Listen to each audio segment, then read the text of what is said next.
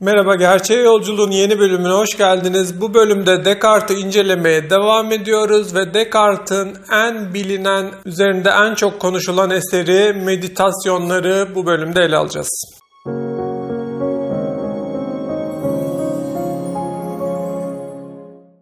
Geçen bölümde Söylem eserini ele almıştık. Söylem adlı eserinde amaçlarını ve hayata bakışını bize anlatıyordu. Daha sonrasında Kurallar adlı eserini ele aldık. Burada da yöntemine dair açıklamalarda bulundu. Kullandığı felsefi yöntemin detaylarını bu eserinde ifade etmişti. Şimdi ise artık bu yöntemi uyguladığı Descartes'in evreni, gerçekliği anlamak için bu yöntemleri uygulayışını göreceğiz ki bunu da meditasyonlarla yapacak Descartes. Arşimet bütün dünyayı yerinden oynatabilmek ve bir başka yere taşıyabilmek için yalnızca sağlam ve hareketsiz bir nokta istemişti.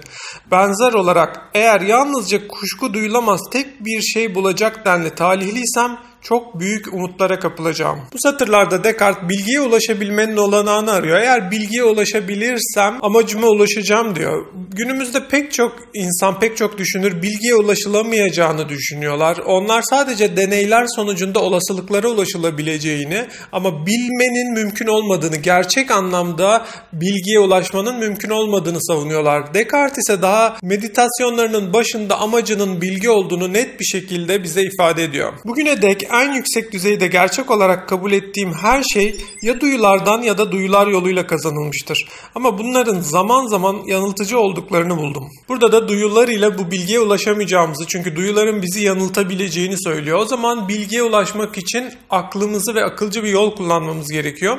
Descartes de bunu yapacak. Az önce kendimi dünyada hiçbir şeyin olmadığına, hiçbir göğün, hiçbir yerin olmadığına, hiçbir akıl ya da bedenin olmadığına inandırmamış mıydım? Hayır. Eğer kendimi bir şeye inandırmışsam ya da giderek herhangi bir şeyi düşünmüşsem bile kesinlikle vardım. Düşünüyorum öyleyse varım. Gördüğümüz gibi duyulardan şüphelenen, duyulara güvenmeyi reddeden Descartes her şeyi bugüne kadar duyular aracılığıyla elde ettiği bütün bilgileri yatsıdı. Her şeyin olmadığını varsaydı ama bir noktaya gelip durdu. Dedi ki bunların olmadığını varsayan bir ben olarak, düşünen bir ben olarak varım. Bunu yok sayamam. Yani düşündüğüm bir gerçek, düşündüğüm tek gerçek, elimdeki tek gerçek. O zaman düşündüğüm için ben varım. Bunu kendimi yok sayamam. Düşünmediğimi düşünemem çünkü düşünüyorum. Düşünmediğimi düşünsem bile düşünüyorum. Ve düşündüğüme göre de düşünen bir şey olarak var olmak zorundayım.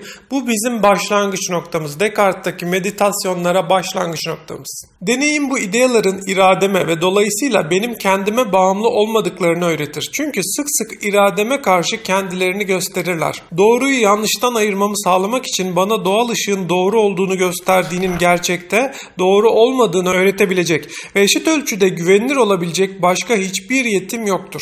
Dediğimiz gibi bu yeti düşünme yetisi. Güvenebileceği tek yeti, var olduğundan emin olduğu tek yeti düşünme yetisi. Peki kendini her şeyden daha önceki bütün bilgilerden soyutlayarak yani meditasyon yaparak kendisinin var olduğu bilgisine ulaştı Descartes.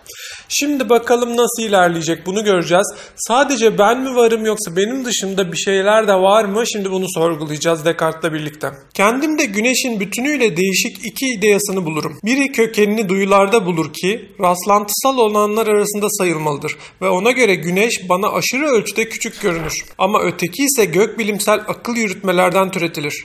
Doğuştan bende olan belli kavramlardan çıkartılır. Gördüğümüz gibi güneşi bilirken bile onu küçük görmemiz bizi duyuların yanılttığını gösteriyor ama güneşi gerçek anlamda bilebilmek için gökbilimsel kozmolojik akıl yürütmeler yapmamız gerekiyor. Her idea aklın bir işi olduğuna göre idea yoktan var olamaz. Doğanın ışığı bana açıkça bendeki ideaların gerçekte kolayca kendilerinden türetildikleri şeylerin eksiksizliğinin gerisinde kalabilen ama hiçbir zaman daha büyük ya da daha eksiksiz herhangi bir şeyi kapsamayan görüntüler gibi olduklarını gösterir. Şimdi düşündüğüm şeyler varsa, başka şeylerin ideyası bende varsa, mesela güneşin ideyası varsa, güneş de var olmak zorundadır. En azından düşüncemde olması bile bende benden başka bir şey olmadığına göre Güneşi düşünebiliyorsam güneşin düşüncesinin bir kaynağı olması gerekir. Duyularım evet alıyor güneşi, güneşi görüyorum, güneşi hissediyorum ama duyularım beni yanıltabilir demiştik. O zaman duyulara göre güneş var demiyoruz. Ama güneşi düşünebildiğimize göre, benim dışında benden bir düşünce ortaya çıktığına göre bunun bir kaynağı olmak zorunda. Ve bu kaynağı güneşin ideyası aslında. O zaman ben varımdan sonra ikinci meditasyonumuzda benden başka ideyalar da var. Mesela güneşin ideyası var, dünyanın ideyası var, başka insanların ideyası var, devletin ideyası var, varlığın ideyası var. Yani benden başka ideyaların da var olduğunu düşünerek bulabiliyoruz bu aşamada. Şimdi devam edelim. Tanrı adı ile sonsuz, ebedi, değişmez, bağımsız, her şeyi bilen, her şeyi güce yeten ve benim kendimi ve eğer var oldukları doğruysa benim dışımda var olan başka her şeyi yaratmış olan bir tözü anlarım. Tanrı zorunlu olarak var olduğunu çıkarmalıyız. Çünkü bendeki töz ideyasının bir töz olmamdan ötürü bende olmasına karşın yine de benim kendim sonlu olduğum için bu sonsuz tözün bir ideyası olamaz. Ve böyle bir ideya ancak gerçekten sonsuz bir tözden ortaya çıkabilir. Yani ben sonluyum. Benim düşündüğüm şeyler ya da duyduğum, hissettiğim, gördüğüm şeyler de sonlu. Bunların sonsuzluklarını düşünebiliyorum. Bir sonsuz varlığı düşünebiliyorum, bir sonsuz güzelliği düşünebiliyorum, bir sonsuz ısıyı düşünebiliyorum.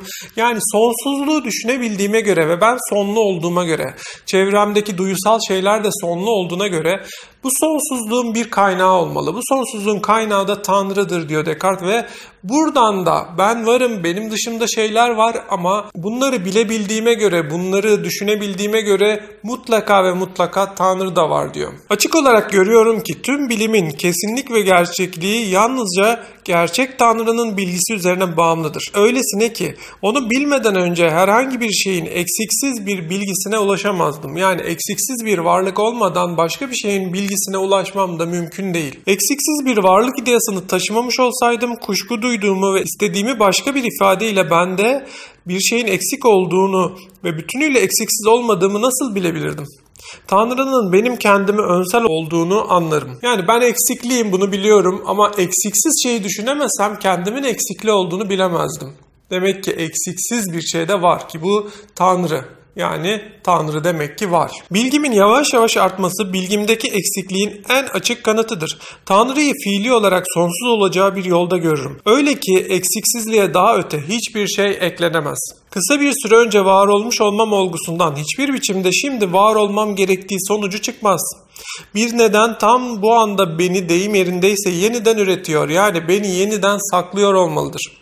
Böyle bir gücün bilincinde olmadığım için açıkça kendimden ayrı bir varlığa bağımlı olduğumu bilirim. Ta ki sonunda Tanrı olacak olan en son nedene varıncaya dek. Benim varlığımı saklayan, benim varlığım sürekli yeniden üreten bir sonsuz güç olması gerekiyor. Bu sonsuz güç bende değil, ben sonluyum, bunu biliyorum. O zaman bu sonsuz güç olmak zorunda. Yani bu Tanrı olmak zorunda. Bu da Tanrı'nın meditasyonlarındaki diğer bir kanıtlaması oluyor. Burada Tanrı'nın varoluşunu kanıtlamak için kullandığım akıl yürütmenin bütün gücü eğer Tanrı gerçekten var olmasaydı doğanın böyle olduğu gibi olmasının ve yine de bir Tanrı ideyası taşımanın olanaklı olamayacağını bilmemden oluşur. Tanrı'nın kendisini düşünebilmek, boş zamanımızda onun harika yüklemleri üzerine kafa yormak, en azından gördükleriyle bir ölçüde gözü kamaşan aklımın gücünün izin verdiği ölçüde Öylesine parlak bu ışığın güzelliğini seyretmek, ona hayranlık duymak ve tapınmak bana doğru görünüyor. Gördüğümüz gibi meditasyonlarda ilerledikçe önce ben varım, düşündüğüme göre düşünüyorum öyleyse varım dedik. Düşündüğüm şeyler var çünkü bunların kaynağı benim dışımda olmak zorunda. Düşüncelerimi kendimden başka şeylerin düşüncesini üretemem. O zaman başka şeyler de var. Ve bunları bilebilmem için yani bu eksik ve sonlu şeyleri bilebilmem için bir sonsuz fikri bende olması gerekiyor. Onların sonsuzluğunu bilmeden sonluluklarını bilemem. O yüzden bu sonsuz şeyi düşünebilmem gerekiyor ve bu düşünebildiğim şey, bu sonsuz şey ben değilsem ki ben sonluyum. O zaman Tanrı da var, bir sonsuz şey de var, bir töz de var diyor Descartes.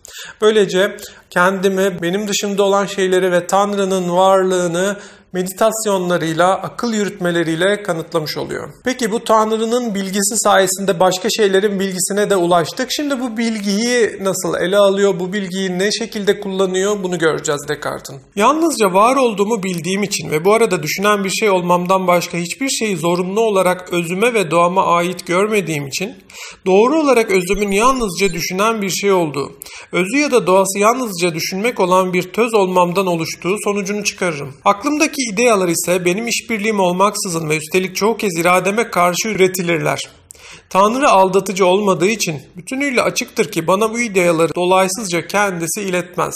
Beni aldatan, bu yanıltan ideyaları Tanrı bana iletiyor olamaz. Çünkü Tanrı yanıltıcı değil. Tanrı en iyi, en yüksek, en eksiksiz olan. O beni yanıltmaz. O halde neden yanılıyorum? Yani bilgim neden yanlış çıkıyor? Bunu sorguluyoruz. Yanılgının genelde Tanrı'ya bağımlı olgusal bir şey olmadığını ama yalnızca bir eksiklik olduğunu. Dolayısıyla yanılgıya düşmek için Tanrı'nın bana bu amaçla verdiği herhangi bir özel yeteneğe gereksinmediğimi bulurum.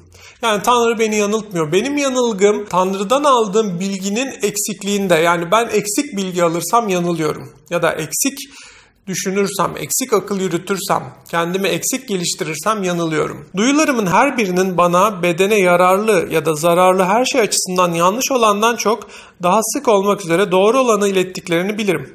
Bundan böyle bana duyularım tarafından çok sık olarak sunulan şeylerde yanlışlarla karşılaşmaktan korkmamam gerekir. Ve bu son birkaç günün tüm kuşkularını abartılmış ve gülünç olarak reddetmem gerekir. Yani bu meditasyonlarda her şeyden kuşku duyarak başlamıştık biliyorsunuz. Şimdi geldiğimiz aşamada artık bilginin, kendimin, dıştaki şeylerin, Tanrı'nın ve bilginin olanaklı olduğunu gördüğüme göre artık bilgime güvenebilirim. Yani daha iyisini bulana kadar, daha iyisini bilene kadar, daha öte kendimi geliştirene kadar elimdeki bilgiye güvenebilirim. Çünkü bu hiçbir şey olmamasından iyidir. Yani elimdeki bilgi bir hiçlikten daha güvenilirdir.